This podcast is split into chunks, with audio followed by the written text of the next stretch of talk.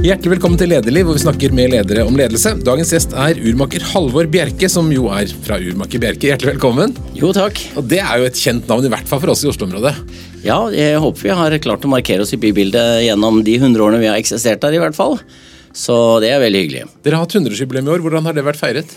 Ja, det har vært eh, stort, så vi har jo gledet oss til det lenge. Så vi, vi dro i gang med litt forskjellige aktiviteter. Noe som var for intern liten kundegruppe, og noe som var for en utvidet kundegruppe.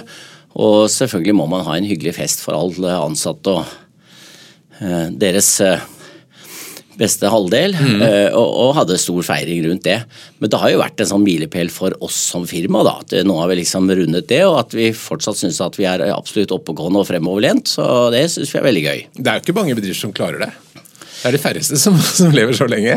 Ja, det er ikke det så mange klarer, nei. Og ikke minst det at vi er en familiebedrift hele tiden. Jeg tror faktisk Follestad slo oss med en dag eller to på sitt 100-årsjubileum. Um, og registrerte et par dager før oss, men de har jo vært kjøpt og solgt av litt forskjellige personer. Vi er fortsatt i samme familie. Men nå er det jo innspurt før jul, eh, og noen klokker blir det kanskje en juletrærne rundt omkring også? Det får vi håpe. Så vi har eh, fortsatt oppe mange dager, vi, og ønsker alle hjertelig velkommen. Men du, denne eh, familiebedriften som da startet for 100 år siden, hvordan, fortell litt hvordan det hele startet. Jo, det var jo da min, min bestefar eh, fant ut av en eller annen grunn at han ville bli urmaker. Eh, kom fra Jevnaker eh, og eh, dro da ut i, i, verden for å utdanne seg videre etter han hadde ferdigkjørt lærertid her. Først i Tyskland et par år, og så England et par år. Og kom så tilbake til Norge med en dansk kone og etablerte butikk i Oslo.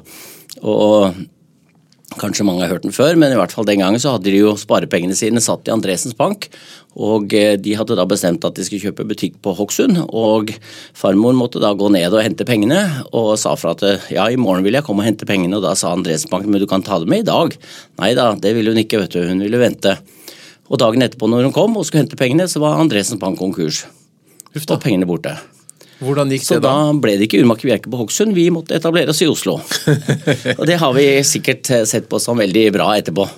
Så det var tilfeldighetenes spill som gjorde det? Ja, så da ble det en butikk i Storgaten som, som bestefar drev på med, og også etablerte en ny butikk på Karl Johan, i samme hus som Grand Hotell der, rett før krigen.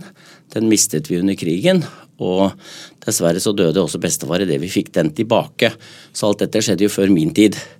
Men da var det tvillingene, eh, min far Erling og min onkel Ragnar, som hadde tatt sin utdannelse ferdig under krigen. De overtok da hver sin butikk og drevet de sammen i alle år. Helt til eh, jeg og min generasjon startet opp. Så vi har jo vært tre brødre. Eh, så jeg har en eldre bror og en yngre bror. Og de startet henholdsvis 273 startet vi, og sistemann kom i 88 etter studiet i England. Så da var vi tre brødre og drev sammen helt frem til 2001. Og da så vi det som både viktig og riktig at um, det er alltid litt sånn forskjellig interesse på hvordan man ønsker å investere, hvor mye man ønsker å jobbe, og ikke minst dette med neste generasjon. Så vi så for oss at dette kunne bli vanskelig, og at vi da valgte å dele firmaet. Ja. Så fra 2001 så har jeg eid og drevet Urmaker Bjerke alene. Men ikke helt alene, for nå er det kommet da neste generasjon inn. ja da, nå har jeg vært så heldig at nå har jeg fått med eh, hele laget. Så i dag så er det tre av mine barn, dvs. Si alle, mm. eh, jobber sammen med oss, og en svigersønn. Så vi er fire i neste generasjon nå som eh, kan du si har kommet godt inn, og det er jo de som i dag også gjør den viktigste og den største delen av den daglige driften. Er alle urmakere? Nei, ingen av de er urmakere. Men du er... Så jeg er siste generasjon i firmaet vårt ja, som har tatt uh, fullt uh, mesterbrev, ja. Men du har noen fortsatt som kan skru hos deg? Ja da, vi har et stort verksted med masse urmakere. Uh, og heldigvis, nå er det ganske bra. Det har vært en periode helt umulig å få tak i gode urmakere, men nå de siste si, åtte-ti årene så har det blitt bedre og bedre. Og nå er det veldig enkelt. Vi får masse fine urmakere, og vi har et stort verksted. Vi er vel 15 stykker tror jeg inne nå som skrur. Men eh, man, Det har sikkert gått opp og ned i alle disse årene, og så kommer det moter kommer og går osv. Men de siste årene så har det vært veldig mye sånne smartklokker og Apple Watch og sånne ting. Men hvordan påvirker det den klassiske klokken? Uh, nei, det tror jeg er veldig fint. Ja. Uh, altså Det med å få fokus på et armbåndsur, at du ikke bare skal ha mobilen og titte på som er i lommen, men at folk nå begynner å ha en eller annen ting på armen som de syns er praktisk å se på, så, så er det bare positivt for oss. Men jeg tror nok også vi har gått over fra å selge en nødvendighetsartikkel, vi skulle kalle det det, til å selge litt mer eh, spesielle produkter for spesielle interesserte. Mens det forbrukerelektronikken, den er nok andre firmaer like gjerne som Elkjøp og Garmin og alle mulige rart sportsbutikker og sånn som selger. Så er det stort sett litt lengre levetid det du holdt med? Ja, det er det absolutt. Så vi er jo veldig fornøyd med det.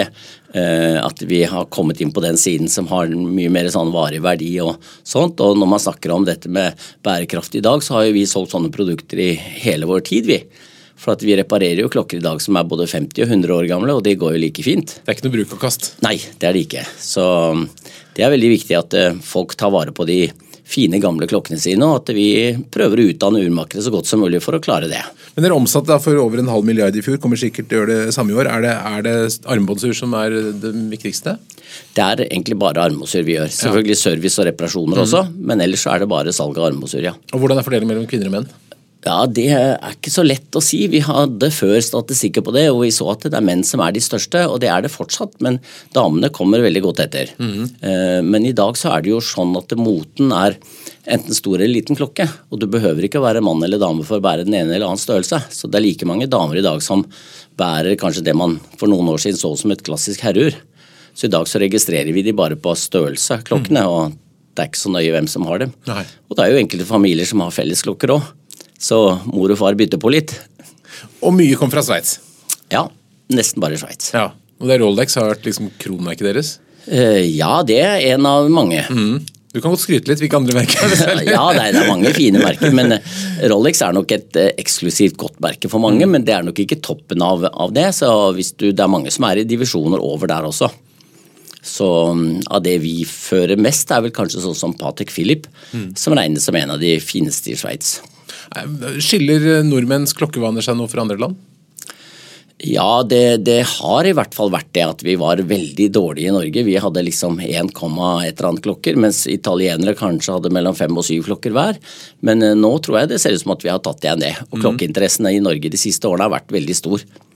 Eh, Når man ser på eh, forskjellige nettsamfunn som snakker og diskuterer klokker og blogger i vei på det, så er det jo både 60 000-80 000 deltakere på noen av disse her, og det er veldig mye i forhold til, eh, til andre. Eh, Og vår egen klokke på den var vi jo veldig veldig tidlig ute med i forhold til mange andre land. Eh, Så, så Norge er nå i dag eh, absolutt ledende med, med stor interesse. Hvor mye koster liksom de dyreste klokkene dere selger? Nei, det, du kan nesten velge hvor dyrt du vil ha, men du kan si at eh, det selges nok en god del klokker som ligger i prisklasse mellom 100 og 200 000. Det, så det, da, da vil man vise noe til omgivelsene? Ja, da får du spesielt eh, fine merker og ofte med litt eh, spesielle tekniske egenskaper også. Men jeg har forstått at eh, de som kommer til Oslo for å handle klokke, det er ikke bare nordmenn, det er også en del tilreisende? Det er det fordi at eh, Norge har vært kjent for å ha et, både et bra utvalg og en helt ok pris, og ikke minst en del uh, asiatere syns jo det er eh, positivt å handle i land hvor, hvor det er trygt og godt. Så de føler veldig trygghet med det. Eh, og at vi har vært flinke til å på en måte klare å få inn så god og oppdatert kolleksjon som overhodet mulig, er veldig viktig. Men uh, der er det jo sikkert, som mange vet, ganske vanskelig av og til å få nok. Vi får jo aldri nok varer, og vi skulle gjerne hatt mye, mye mer, men det, sånn er livet. Hva skyldes det? Det er jo en begrenset produksjon av de eksklusive merkene. De har ikke større kapasitet, så de lager alt det de kan, og de vokser litt hele tiden. Men for dem så er det nok også det med den langsiktige målsettingen at det er ikke noe store fabrikker som er sånn ekstremt profittdrevet. Det er en familiebedrift, og de ønsker å utvikle den pent og pyntelig. Og, og de må jo først eh, lage en produksjonslinje, og så må de utdanne fagfolk til å sitte der og lage disse produktene. Og så kan de begynne å selge de. Så det tar ofte mange år før de klarer å få opp produksjonen. Men uh, deres målsetting er nok ikke bare å vokse helt inn i himmelen, men ha en god produksjon hele tiden. Det selges jo også brukte klokker, har sett på både, jeg vet ikke om dere gjør det, men i hvert fall auksjoner osv. Men er det, er det, hvis jeg kjøper en 50 år gammel klokke er det den samme? Altså, er det, stor forskjell inni? Eh, Det er en del teknisk forskjell på den nye og gamle. Uh, uh, når du spurte om det, Vi har jo også en bruktavdeling som vi Ja. har startet opp. Vi startet faktisk under pandemien. Uh, Den var planlagt da, og da ble det jo litt sånn spesiell tid, så da var det veldig greit å dra i gang det. Og vi har gjort en del eksperimenter og forsøk på den, og, og den har virkelig begynt å etablere seg nå. Så den skal nok utvikles også videre. Men de er ikke helt like. Så um, en del klokkefabrikker så er det sånn at de har kanskje en produksjon av én type urverk i ca. ti år eller noe sånt nå. Eh, og da blir maskiner og utstyr og kanskje teknologien også veldig utslitt. Så det er det mekaniske uret, basert på veldig mye av det samme, men man bruker jo mer moderne materialer og eh, bedre typer oljer. Og Det gjør at en klokke som før kanskje måtte renses og smøres hvert tredje eller hvert femte år, i dag kanskje går godt over ti år. Mm. Og Istedenfor at et mekanisk ur gikk ti sekunder for galt i døgnet, så går den i dag eh, under sekundene. Så ting har blitt bedre? Mm, ja, vesentlig bedre. Mer robust og tåler mer og går lenger. Men det er jo Butikkjeder går i forskjellige retninger. Dere valgte veldig tidlig at kvalitet skulle være deres uh, liksom, varemerke? Ja, eller vi ønsket definitivt å være faghandler. Mm. Det ønsket vi. Så vi har alltid satset på det. I forhold til kanskje kall det skobransjen, hvor det er forskjell på en skobutikk og en skomaker, så er det hos oss eh, veldig naturlig at urmakeren er en del av hele butikken. Så fagfolk internt både i butikkene og et veldig dyktig verksted er viktig for oss alltid å være på. Jeg synes, dere har På nettsiden stått 100 år med tidløs kvalitet, og ganske vakkert. Fornøyd med den? ja. Men eh, markedsføring og salg, altså, hva gjør dere for å få folk til å komme og kjøpe disse klokkene? Det er jo mange forskjellige måter, men vi er nok ikke sånn sjokkselgere. Og, og, eh, og, priser og sånt er på en måte veldig styrt i vår bransje, så der har man ikke så mye å gjøre. Så det er jo mer det å eh, etablere hyggelige og gode kundeforhold og få mm. en god kundekrets i Norge som vi ser på som veldig viktig. Og da er det jo viktig for oss både at vi har godt utdannet personell som står i butikken, som har fagkunnskap fra de merkene de jobber med, og at vi vet at vi har en godt urmakersystem og verksted bak oss som kan hjelpe til. Ehm, og så er det å prøve å, å lage opplevelser for våre kunder. og det gjør vi jo både med å ha spesielle arrangementer inne. Vi har jo egne kvelder for egne merker hvor det kommer opp teknikere fra utlandet eller selgere derifra som kan fortelle om alt det nye. Og vi tar med grupper og reiser på fabrikken i Sveits og se hvordan man lager klokker der.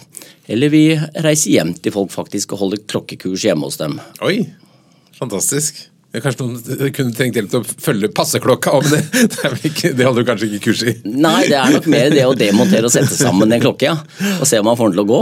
Men dere, dere har eh, fortsatt, dere er et Oslo-film, dere har ikke blitt fristet til å liksom spre dere utover hele landet? Nei, vi, vi, har vært litt utenbys i noen perioder, men i dag så er vi bare etablert med den butikken i Bergen. Mm. Så den har jo vært i, i, i, veldig mange år nå, og nettopp flyttet nå i sommer fra Torvallmenningen ned i Strandgaten. For å få litt bedre plass og utvide litt og få litt flere merker med oss. Mm. Men uh, jeg vil tro også at underveis så har det sikkert kommet mange ulike aktører som gjerne vil kjøpe dere og overta dere, og store konsern osv. Det har ikke vært fristet til det noen gang? Nei, det, det har ikke vært i tanken i det hele tatt. Eh, jeg føler jo selv at jeg har vært så heldig å fått lov til å komme inn i dette her med familien og, og overta det. Og, og, da er jo min jobb å drive det videre til neste generasjon, så det har aldri vært i mine tanker at det, det skal gå videre. Mm. Så vi får jobbe med det, vi som kan. Hvordan, hvordan, ser et, et et, omsetningsår ut hos deg? Er det høydepunkter? og, og Er f.eks. julesesongen viktig? Nei, det er ikke det. Det, er, eh, det, har snudd en god del de siste årene. Så Tidligere så var det jo slik at vår bransje generelt solgte vel kanskje 25% av omsetningen gikk i november og desember. For oss så er det nesten stabilt. Selvfølgelig veldig hyggelig å ha godt salg på de siste åtte-ti dagene i desember. Men ellers så ser vi nok at de største månedene ofte kan være august-september. Hvorfor det? Altså, Nordmenn er ferdig med ferie og ferdig med kanskje investering på hytte og ferdig med sport og alle ting. og Kommer hjem og har litt bedre oversikt over at uh, nå er det en rolig høst og nå har jeg så mye penger igjen. Uh, og at de tenker litt mer på seg selv. Og samtidig så er det vært uh, ofte de beste turistene, hvis man skal kalle det det, som, som investerer mest. De kommer ofte på ettersommeren, mm. seint sommer. Det er ikke bobilturistene som kommer først som er viktig kunde for oss. Er en klokke noe man kan investere i, altså med håp om å få en avkastning og selge den dyrere? Eh, ja, det er nok mange som har opplevd. Og, og det har jo vært et veldig race en stund nå eh, på det markedet, og det er litt vanskelig. Fordi at vår jobb er jo egentlig ikke å selge en klokke altfor billig til veiledende pris, og så blir den solgt på Finn dagen etterpå. Mm. Eh, så det er et marked som fabrikker definitivt ikke ønsker, og vi må jobbe aktivt for at vi ikke er med på det. Ja, for det, det, er da ting som er vanskelig å få tak i, som folk da kjøper og selger videre? Ja, ja. ja. Så vi skal jo absolutt selge til sluttforbruker, og da blir det ofte at vi må vite om hvem de er og hva de holder på med. og og hvordan de ser på klokkene sine selv. Og da er det jo veldig hyggelig at vi klarer å skaffe de så godt som mulig. Så du må bli litt kjent med kunder, rett og slett? Ja, vi bør det. Mm. Men vi har jo masse eksempler på altså Når jeg begynte i, i, i lære og visst etablerte forhold og fikk Rolex-klokker inn, og jeg har en kunde som kjøpte klokka av meg i 79, og han betalte vel 3000 kroner eller noe for den, og han solgte den for en del år siden for 100 000 brukt, så har han gjort god butikk på den. Ja, det Men eh, det er ikke alle som har så fine historier, da. Nei, det, kanskje ikke, det er kanskje ikke det man skal satse på sånn, basere seg på, i hvert fall. Nei, nei, nei. I utgangspunktet så er det det at vi skal eh, selge et godt eh, kvalitetsprodukt som du kan ha glede av i mange mange år. og uh, Vi har jo også fabrikker som sier at man kjøper ikke klokken til seg selv, men tar vare på den for neste generasjon. Og det må vi prøve å jobbe med at vi klarer å få til. Da. Mm. Og da, da, kan mange av disse vare lenger enn én generasjon, ja. Men nå før jul så, så rykker det enda et hakk opp? Altså det blir enda større? Ja, vi har jo lenge vært på jakt etter og sett etter og tenkt tanker rundt det at uh, vi kan liksom ikke bare være fornøyd med sånn som vi holder på. Uh, jeg har alltid sett på, på, på meg selv kanskje som en konservativ person, men også en, en ganske fremoverlent og litt sånn risikovillig, hvis man skal kalle det med et uh, litt risky uttrykk her. Så, det er veldig viktig alltid å tenke på hvordan vi kan utvikle oss selv. Så det ser man jo at nå har vi drevet mer eller mindre i den formen vi er i vel ti år, og vi har jobbet litt om å tenke tanker. Hvordan kan vi utvikle oss videre? Det med å åpne i en annen by eller andre ting, jeg er ikke sikker på det er det beste. Vi har vel egentlig følt at eh, to store butikker som vi nå har hatt i Oslo en stund, har vært veldig vellykket. Um, og da var det forskjellige alternativer vi jobbet med, og plutselig så dukket det nye um, prosjektet vårt opp, da. Uh, gamle Eger-senteret, eh, altså det store huset på Ekertorvet, ble jo da tomt. og og via promenaden så har vi klart å få en avtale på det, og, og er kjempefornøyd med det. Og de er under ombygging nå. Så det blir et klokkehus? Det blir et stort uh, bjerkehus, ja. Mm. Med klokker. Det blir et bjerkehus, så, ja. Så, hva, hva, hva, blir det å finne i bjerkehuset, da? Nei, eh, jeg tror eh, Altså, noe har vi jo på plass, men jeg tror jeg må foreløpig holde litt igjen på all informasjon der. Mm. fordi at der er det en del avtaler og kontrakter som ikke er helt skrevet. Og i noen av de som er skrevet, så står det også at vi ikke skal snakke så veldig mye om det. Så. Men utgangspunktet vårt er at vi vi flytter inn, og, og, vi har jo tittet litt rundt og sett og planlagt i hvordan vi kan få det til. og, og eh, vi fant vel ut at eh, Lafayette i Paris eh, skriver på sine sider at de har Europas største klokkehus på 2100 kvadrat. Vi får da 2700 kvadrat, så vi er vesentlig større. Europas største klokkehus i Oslo? Men det er liksom ikke noe mål i seg selv. Ja, men Det er ikke verst det, da. Så det blir en kombinasjon av mange ting, hvor vi vil både få plass til at merkene kan Eh, skape sitt eget miljø på en bedre måte enn det at de har bare en liten vegg i et stort lokale som vi har. Så enkelte ønsker å komme ut med nesten mer eller mindre egne butikker. Men med både dør fra fasade, men også muligheter å komme inn i senteret bak. Og En del merker ønsker ikke det, så de blir jo liggende i senteret i flere etasjer der. Og det blir jo både verksted, serviceavdeling og en del andre spennende opplevelser som man kan få til. Og ikke minst at vi kan ha mindre eventer og aktiviteter hele tiden på egne områder der, sånn som er slik at vi kan bytte på hvilke merker vi vil satse på utover hele året. Lanseringen av nye modeller og alt mulig på en ordentlig måte. Og dette skjer rett før jul? Nei, vi overtar eh, hele huset nå. Ja. 22.12. er eh, det grovbygd. Da blir det sånn white box, som det heter, som vi overtar. Så da er det altså flatt gulv og mm. hvitmalte flate vegger, men vi mangler jo både luft og lys og møbler. Så da har vi nok en tre-fire måneders eh, hardt arbeid. Mm. Uh, og uh, i mai, helst ikke senere enn mai, så skal vi åpne. Du klarte ikke å presse det inn i jubileumsåret? Nei, det, det, var ikke mulig. Du klarte overtakelsen da inn i jubileumsåret i hvert fall? Det gjorde vi, ja, ja da. Så det, det, blir veldig spennende og veldig morsomt. Og vi håper jo at vi skal skape en en litt annen opplevelse enn det at eh, man bare går inn i en vanlig butikk og blir ekspedert ved en disk, ja. Men dette er vel en slags trend også i handel, at man går fra bare å selge til å skape opplevelser? Det blir det, og det er jo et, eh, et, eh, et viktig argument som vi liksom har brukt internt også, at vi må ikke sitte stille og vente til det skjer noe annet spennende. Vi ønsker å være aktive i vårt marked, og at vi absolutt har sett for oss det at noe sånt da burde vi gjøre. Og vi reiser jo litt rundt da i Europa og titter og ser på andre steder hvordan det gjøres, og så må man prøve å lære litt av det. Vi behøver ikke å finne opp uh, kruttet selv alltid. Og så må man prøve å tilpasse det til norske forhold, og hvordan vi ønsker å ha det. Og vi ser vel det at uh, kan vi skape en, et overordnet hus som, som Urmaker Bjerke kan være både stolt og ansvarlig for, så kan merkene få lov til å utfolde seg litt mer fritt i det, slik som de måtte ønske. Og da vet vi jo at disse sveitsiske fabrikkene har ofte mange egne meninger og egne holdninger til hvordan ting skal være. Ikke minst er det veldig viktig at det ikke er lik naboen.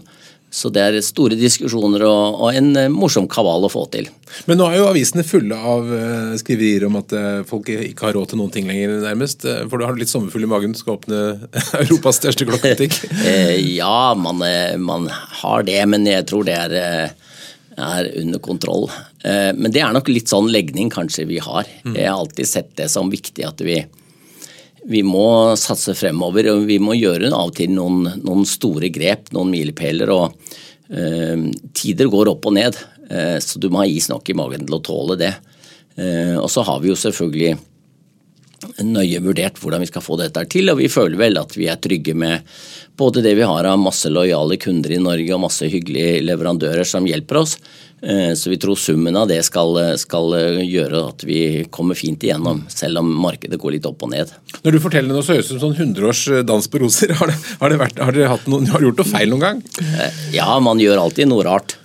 Så, så, det gjør man. Det er vel ikke noen sånn hårreisende store blemmer vi har gjort, men man har jo åpnet eller overtatt en butikk et sted som vi så etter et år eller to at det var ikke noe vellykket. Så da er det bare å avvikle det.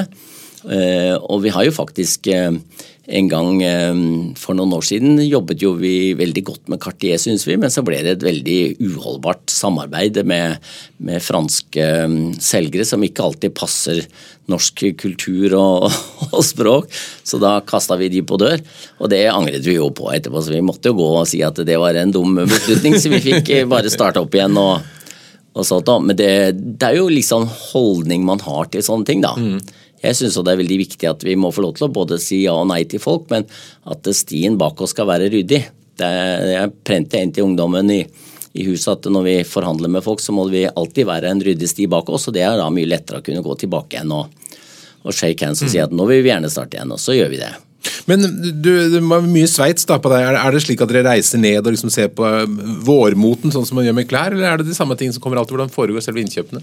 Nei, det er, uh, i klokkebransjen så har det vært én stor messe som går én gang i året. Og Den har tidligere alltid ligget i Basel, men nå er den plutselig den forsvant under pandemien, så nå har den gjenåpnet i Genéve.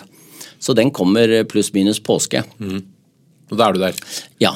Så der må alle de store merkene være, eh, og der blir man invitert inn. Det er et veldig strengt eh, program, så det er en lukket eh, fagmesse. og Du blir invitert inn, og du får så og så mange overnattinger og så og så lang tid på hvert merke.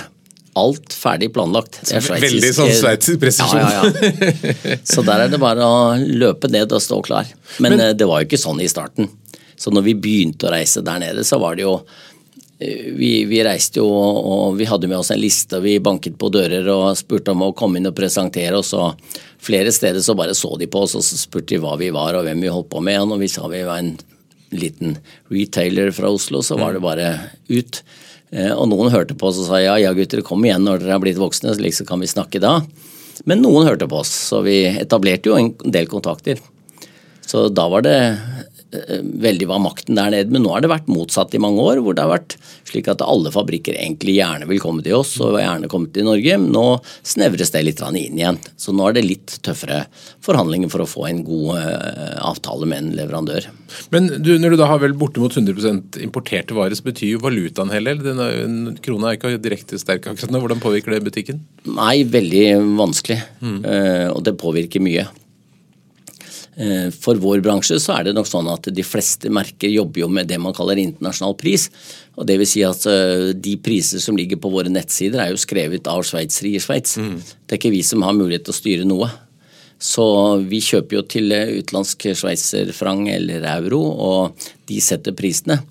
Eh, og da går jo marginen opp og ned etter hvert mm. som valutaen går opp og ned. Og da blir det bare å reforhandle prisstrategi og sånn med fabrikkene, men de ser jo alltid på historien tre-fire måneder bakover. og så setter de prisen i dag. Mm. Og det vil si at vi ligger alltid bakpå eh, når valutaen går opp. Eh, men når valutaen går ned, så har vi jo veldig hyggelige dager da. Men eh, nå har det vært vanskelig en stund. Ja. Eh, så det kan man ikke gjøre så veldig mye med. Eh, men det gjør jo at vi er konkurransedyktige definitivt for utlendinger som ønsker å komme.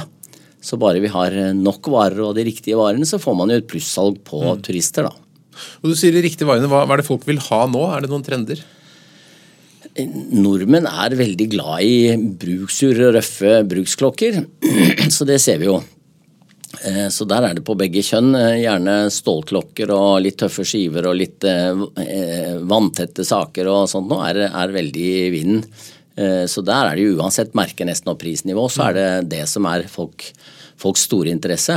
Men ellers er det en del også som begynner å få sansen for de litt mer eksklusive, men veldig klassiske. Ehm, og da er de ofte dyre og fine og teknisk avansert laget, men eh, veldig enkle. Noen Litt slankere og sånn? Ja. Mm. Tynne, slanke, fine klokker. Eh, de kan være alt fra stål til platina, roségull, skinnremmer. Og to visere kanskje bare. Mm. Um, så det, det er liksom i de retninger det går. Mm. Vi er ikke så veldig mye på de veldig fantasifulle. Men man har jo en del som, som liker sånn som øh, øh, noen merker er jo veldig innovative i forhold til dette med forskjellige materialer. Det er jo ikke bare stål eller gull. I dag skal det være karbon og titan og palladium, og det er jo øh, alt mulig rart som skal være inni der. Hva har du selv på armen? Ja, Nå er jeg selvfølgelig nødt til å gå med Tudor-skinn. Det er sånn 100-årsjubileumsklokke som Aha. vi har laget. Med vår egen logo og alt mulig på, for nå er vi jo 100 år, så der må det stå Umaker Bjerke på. vet du. Men du, vi, vi er jo ledere, vi snakker til ledere. Er, er, er, det, jeg vil tro at mange av kundene dine er ledere. Anser du klokke som en litt sånn maktsymbol? Kan man bruke det som sjef og liksom få litt respekt? Uh, nei, jeg tror ikke det. Det er nok mer en, en, interesse som folk har i alle samfunnslag. At noen får uh, veldig stor interesse for klokker og ser det som en, en morsom ting og en hyggelig ting og en god ting. Uh, og at det selvfølgelig Eh, dette er et produkt som man både kan bruke på armen og kose seg med selv, og man vet jo det at det er et eh, produkt du kan ha veldig veldig lang levetid på. Det er andre i familien som kan arve, men det er også mulig å få det solgt på mm. bruktmarkedet. Så for eh, mange så er jo dette på en måte en god unnskyldning til at man da også kan ha det som en hyggelig interesse og, og investere mye i det. Og vi er nok ikke bare på direktørmarkedet som stiller opp på våre eventaftener, det er mange forskjellige mennesker som er lidenskapelig veldig interessert og leser og studerer alt som er om klokker, og kan mm. mye mer enn det jeg kan etter hvert. Hvordan vil du beskrive din egen lederfilosofi? Ja, vi satt liksom og tenkte litt på det her sånn andre dagen. da på um, Jeg tror nok det som jeg sa innledningsvis, at jeg er nok ganske sånn konservativ. Jeg er ikke sånn veldig hopper og spretter i alle retninger. Jeg syns det er veldig det å ha fokus på å drive bedriften på en måte i det sporet den har vært, men alltid eh, prøve å forbedre det så godt som mulig. Eh, jeg er nok ganske sånn foroverlent og litt nytenkende. Så jeg syns jo ofte at når vi har gjort en endring og vi har kommet godt i gang med det, så ser man at dette ble bra. Da har jeg egentlig kommet til neste mm. kapittel. Da er jeg ikke fornøyd med det, så da må vi alltid tenke litt nytt. Så du ligger foran så, hele tiden? Eh, prøver det, å ja. se på muligheter. Eh, enten om det gjelder nye lokasjoner eller nye merker eller annet rart. Så det, når vi er på innkjøpsavtaler, så hender det nok at eh, de som er merkeansvarlige, går og ser på et klokkemerke og ser på årets nyheter og kjøper inn det som skal, mens jeg kan godt gå og snakke med helt andre merker som vi ikke har noe forhold til, men fordi at det er mye mer morsomt. Mm. Jeg er nok en person som er veldig sånn, har drevet sånn hands on. Eh, jeg liker å være med i alle aktiviteter rundt omkring. Det betyr ikke at jeg ikke skal ha en butikksjef som har sine ansvarsområder og gjør sin ting, men når de gjør noe nytt eller holder på med ting, så ønsker jeg gjerne å være med på det og se hvordan det er. Og det føler jeg har vært en, en Det gjør at vi har en ganske flat struktur da, i bedriften. Vi har ikke så veldig mange sjefer og fine titler. Eh, alle må brette opp armene og gjøre en jobb når vi skal enten åpne en ny butikk eller ha en messe eller hva som helst, så må alle være med. Hva slags egenskaper ser du etter når du ansetter folk? Jeg føler vel sånn I dag så har vi jo eh, mennesker som har et litt sånn eh, ja-holdning, syns jeg er veldig positivt. Det er noen mennesker som er flinke til én ting, men det er veldig lett at de detter ned i litt sånn nei-tanker og nei, det kan vi ikke, og det orker vi ikke, og det får vi ikke til og sånt. Jeg syns jo ingenting er umulig før vi definitivt har prøvd. Så jeg liker gjerne mennesker som er litt sånn ja-holdning. Vi spør om de kan eller vil være med eller hva som helst. Så det første man tenker er på at jo, det vil man gjerne. Og så får vi se om det går etterpå. Um, at de behøver ikke å være Alt må ikke være så overveid. Man må av og til tørre å hive seg litt utpå. Mm. Så Får du tak i nok fagfolk? Er det, er det nok ungdom som vil utdanne seg som urmakere? Ja, nå er det det. Så verkstedet før så var det jo bare gamle gubber som satt der oppe og banna og sverta hele tiden. Det var et forferdelig sted å være. Men i dag så er det mm, Vi har både kvinnelige og mannlige urmakere på verkstedet, og der er jo alderen eh, snitt under 30. Så gøy. Så det er veldig bra. Så det er et, et fag som faktisk eh, folk har lyst til å holde på med? Ja, det, det utdannes ganske bra nå. Eh, altså Norsk skole finnes også, men den er nok ikke i det nivået vi har behov for. Så vi trenger folk som tar de internasjonale skolene. Så der har vi jo hatt også folk som har begynt hos oss som ekstrahjelp etter de har studert i Oslo. Og fatter mer og mer interesse, så kan vi prøve det litt på verkstedet. Og så hjelper vi de å komme inn på skole. Så vi har jo i dag urmakere som kommer fra både Manchester og godt der. og Mange går i Sverige, noen går i Sveits. Mm. Så i Sveits, alle de tilhører Vostep, som er et sånt skolesystem styrt av sveitserne. Eh, og da har man akkurat samme. All sensor og sånt er jo sveitsiske klokker. Hva, hva, er grunnen til at sveitserne har liksom klart å holde på dette domenet? Det er jo mange som har lyst til å ha klokker. Ja, det er jo det, og Apple har jo fått det til, de, mm. med sin Apple Watch. og det, det, er jo andre som prøver, og det er jo mange japanske firmaer som har vært inne hele tiden. Eh, men for sveitserne så har nok dette vært en veldig sånn tradisjon i sitt land, ja. Så de satt jo oppe i fjellene der da, og lagde sine små duppeditter og ble spesialister på hvert sitt område, ofte. En mm. liten landsby eller en familie. Så den ene lagde månefasegreier, og en lagde en spesiell datosystem, eller noe sånt, og så reiser de ned til byene om sommeren og solgte det. Mm. Hva er fordelen med å være en, en familiebedrift? Familiebedrift syns jeg er veldig spennende og veldig morsomt. Det gjør at man Eh, altså Vi er jo drevet på en måte ikke bare at vi skal ha profitt, vi er jo absolutt drevet at vi skal ha det hyggelig sammen. Vi er drevet at vi skal klare å bringe dette videre. Og at det er lov til å ta inn juniorer som får lov til å bryne seg litt og prøve seg litt, og så får man se hvordan det går. Av og til så eller Som ofte så går det jo veldig bra, men av og til så må man jo korrigere litt på det. Men det, det skal man både ha rom for og, og, og muligheter å kunne utfolde seg på den måten hos oss. Og det er jo, hvis man aldri gjør noe galt, så kommer man jo aldri videre heller. Mm. Man må jo av og til strekke strikken litt og prøve noe, og så ser man at det ble ikke så bra. Eh, og Det gjør at vi har en veldig mer langsiktig strategi og, og valg da, hvordan vi ønsker å utvikle oss. Vi er ikke så nødvendige at vi må klare å levere et kjemperesultat til eiere og drivere hele tiden. Eh, eierne er jo oss selv, så vi er veldig med på når vi først sier at nå skal vi gjøre nye investeringer og, og ta noen viktige grep, så er vi innstilt på at ja, men da håper vi det gir et godt resultat om noen år. Men eh, da får det bare være sånn som det er. Er det noen vanskeligheter med å være både familie- og businesspartnere? Nei, jeg syns ikke det. Eh, jeg hadde en, en, en veldig vellykket, syns jeg, da, eh, overgang da jeg skiftet fra far og onkel, og da vi var tre brødre og vi splittet opp, så, så gjorde vi noen grep som, vi, som jeg syns har vært veldig vellykket.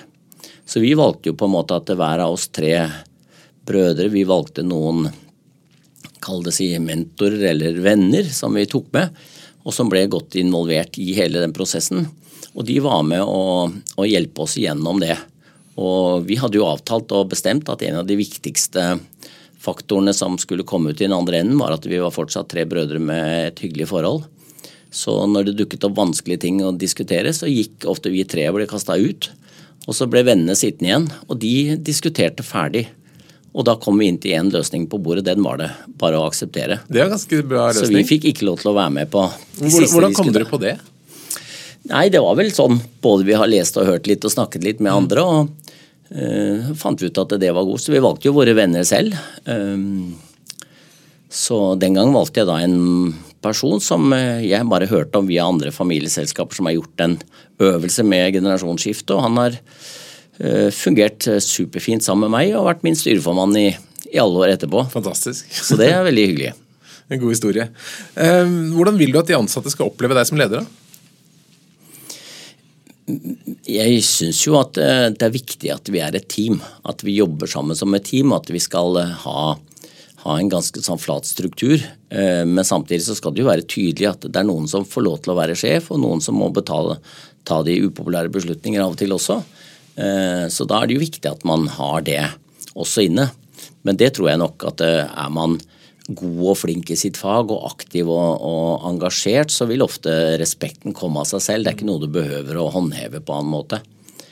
Eh, så det, det, håper jeg og tror jeg også har gitt gode resultater. Man ser jo det på en del ansatte som har vært hos oss i x antall år og velger så å slutte eller flytte eller andre ting skjer. og så Det kommer jo mange tilbake etter noen år og har veldig lyst til å være med videre. og Det er jo kjempehyggelig, syns jeg, da. Nå har du vært leder i veldig mange år. Hvordan har du forandret deg? På hvilken måte er du annerledes nå enn da du startet som sjef? Eh, jeg tror nok sånn i starten så er jo alle mer usikre og mer nervøse. Så det kan nok hende at man da var litt eh, flinkere til å lage noen veldig faste systemer og ri de veldig godt. Mens etter hvert så ser man jo at det, det er jo absolutt personer det vi jobber med. Og det er jo som et team vi skal fungere optimalt. Og da blir jo min jobb å få alle til å fungere optimalt i teamet. Um, så det å få litt gode samtaler med de, og så får man heller tilrettelegge litt. Så blitt litt rundere etter det du sier? Eller? Ja, jeg tror det. jeg håper det. Men samtidig så er man nok Før så var man nok mer nervøs for å ta en upopulær samtale. Mm. I dag så syns jeg ikke det er noe mm, farlig i det hele tatt, og det har man jo sett også innenfor det du nevnte i sted, altså familiebedrift, hvor viktig det er av og til i familiebedrift eller sånne eh, brødre imellom som vi hadde, at er det ting som vi plutselig syns gnisser litt eller er litt ubehagelig, så er det veldig viktig å ta det opp med en gang. Hvordan gjør du det? Du noe, hvordan forbereder du deg til sånn samtale? Nei, det, nå i familien så blir det jo det at vi, vi har jo vårt uh, hovedselskap eller holdingselskap. Og uh, da sender vi ut invitasjon til barna og sier fra at nå må vi ha en prat, og dette er temaer. Uh, og dette er de forskjellige synsvinklene som vi har, og tenk litt på det. Mm. Og selvfølgelig, de kan ikke stille med koner eller menn eller noe annet rart, det er bare oss som er der. og Eh, det gjør ikke noe om man har en god prat da, og konklusjonen den dagen blir at man er fortsatt uenig. Det gjør ikke noe. Men vi skal prate om det. Mm. Eh, og så får man tenke litt på det, og så blir man ofte enig etter hvert. Så det la det gå litt tid, gjerne? Ja. Mm. Det, man må ikke trumfe gjennom noen ting. at Det er ikke noe flertall som bestemmer at en annen skal lide i det sammenheng. Vi må være enige om at dette er en lur beslutning for alle parter. Mm. Så det, det får man til. La det modne litt, rett og slett? Ja, mm. men ikke være nervøs eller Det er viktig å tørre å ta det opp, mm. og ta det opp så tidlig som mulig. Det syns jeg er veldig viktig. altså. Tror du Urmerke Bjerke kommer til å fortsette i 100 år til? Jeg håper jo det. Mm. Eh, hvis det er opp til oss, så tror jeg nok det. Men det er ikke sikkert på at verden er sånn at vi kan være med på det, men eh, vi har ikke noen andre ambisjoner, nei. Vi er jo avhengig av eh, både at folk har lyst til å mm, handle hos oss, og at folk har lyst til å jobbe hos oss. Og at det er eh, moderne og fint og kult og bra å ha en tøff klokke. Ja. Da vil vi absolutt være med. Så det, det blir jo, Man kan tenke at, blir, at, markedet blir mettet, men det er vel ingenting som tyder på det? Nei. Nei, nei. Det, det gjør det ikke. Mm. Men uh, om plutselig ingen vil selge klokker, annet enn at fabrikken opererer selv, eller at mm. alt går på nett, eller mm. alt gjøres på annen kanal, så mm. vil det jo ikke være mulig å ha noe å selge. Det kan jo være et scenario som Ja, for det har jo skjedd i noen andre bransjer hvor hele ja. forhandlerleddet er blitt borte. Ja, ja det ser man. Um, så det var vel ingen som trodde at Teslas idé om å begynne å selge biler på nett bare med showroom i Norge var noe god idé når de startet, men det har jo vist seg at det har gått. Mm. mange andre har prøvd, men ikke alle har fått det til. Men um, det, det, er sånn eh, den menneskelige kontakten og det medmenneskelige som vi jobber med, og sier at det er vår styrke. Vi kan jo ikke være verken produsent eller noe annet. Vi må vi må prøve å finne et godt sortiment av varer og kunne tilby hyggelige opplevelser til våre kunder. Og så lenge som de er interessert i det, så skal vi jobbe med det. Mm. Sånn avslutningsvis, Hvis du skulle gi noen lederråd hvis du for et av barna skal bli sjef, da, overta som sjef, hva er liksom de tre viktigste lederrådene du vil gi? Ja, jeg, jeg, nevnte vel det at jeg syns det med å være hands on er ekstremt viktig. Eh, jeg tror det er, eh, er, viktig at eh, en leder kjenner bedriften sin veldig godt. Han behøver ikke å vite hva alle heter på fornavn, men han skal definitivt vite hvem som jobber i hvilke avdelinger og være der til stadighet og se hvordan systemene fungerer. Det tror jeg er veldig viktig, for da får du, og klarer ofte å fange opp ting som foregår. Du må ha litt tid på det også når du er der. Mm. Jeg har jo vært veldig glad i en veldig flat struktur, og det har jo gått så lenge som vi ikke er altfor mange ansatte og ikke altfor mange butikker. Hvor mange ansatte er det nå? Eh, nå er vi 85 omtrent. Mm -hmm. Hvor det er jo da mm, tre butikker, verksted og hovedkontor mm. som er de avdelingene som er. Mm. Um, ellers så tror jeg nok det at man skal være nysgjerrig på å være villig til å endre seg. Og endringen er mye lettere hvis du er eh, mer hands on. Det er ikke noen store ting som man i ledelse sitter og finner ut og så trer nedover en stor endring over organisasjonen. Det tror jeg ofte stritter imot er vanskelig. Ved å gjøre være mye mer på hele tiden og kjenne alle ansatte, så er det mye lettere å få respekt for det. Mm. Og så tror jeg vi har hatt også en god erfaring med dette med å passe på at alle skal føle seg som en del av teamet. Så vi har jo ofte ikke julebord, vi har ikke tid til det i denne tiden, men vi har en vintertur. Eh, da kan vi feire både at vi var flinke i fjor, og at vi kan legge frem mye planer og budsjetter for kommende år. Og alle selgere er jo glad i å leke, så da må vi alltid både ut og leke og inn og leke og holde på med ymse ting, og da blande team. Slik at det er jo fra alle avdelinger må være på hvert team. Så da blir man plutselig kjent med mange i andre avdelinger, og det gjør at det, en fremtidig liten ting som skjer, så vil du ringe gjerne din venn du kjenner i den butikken eller på verkstedet og spørre hva er egentlig det, og du har mye gode kolleger da på tvers av alle avdelinger. Det, det løser opp i hele systemet og gjør det ganske gøy å være med på de turene. Mm. Gode råd. Hjertelig takk for at du kom til Lederliv, Halvor Bjerk, og lykke til med den nye butikken. Jo, takk.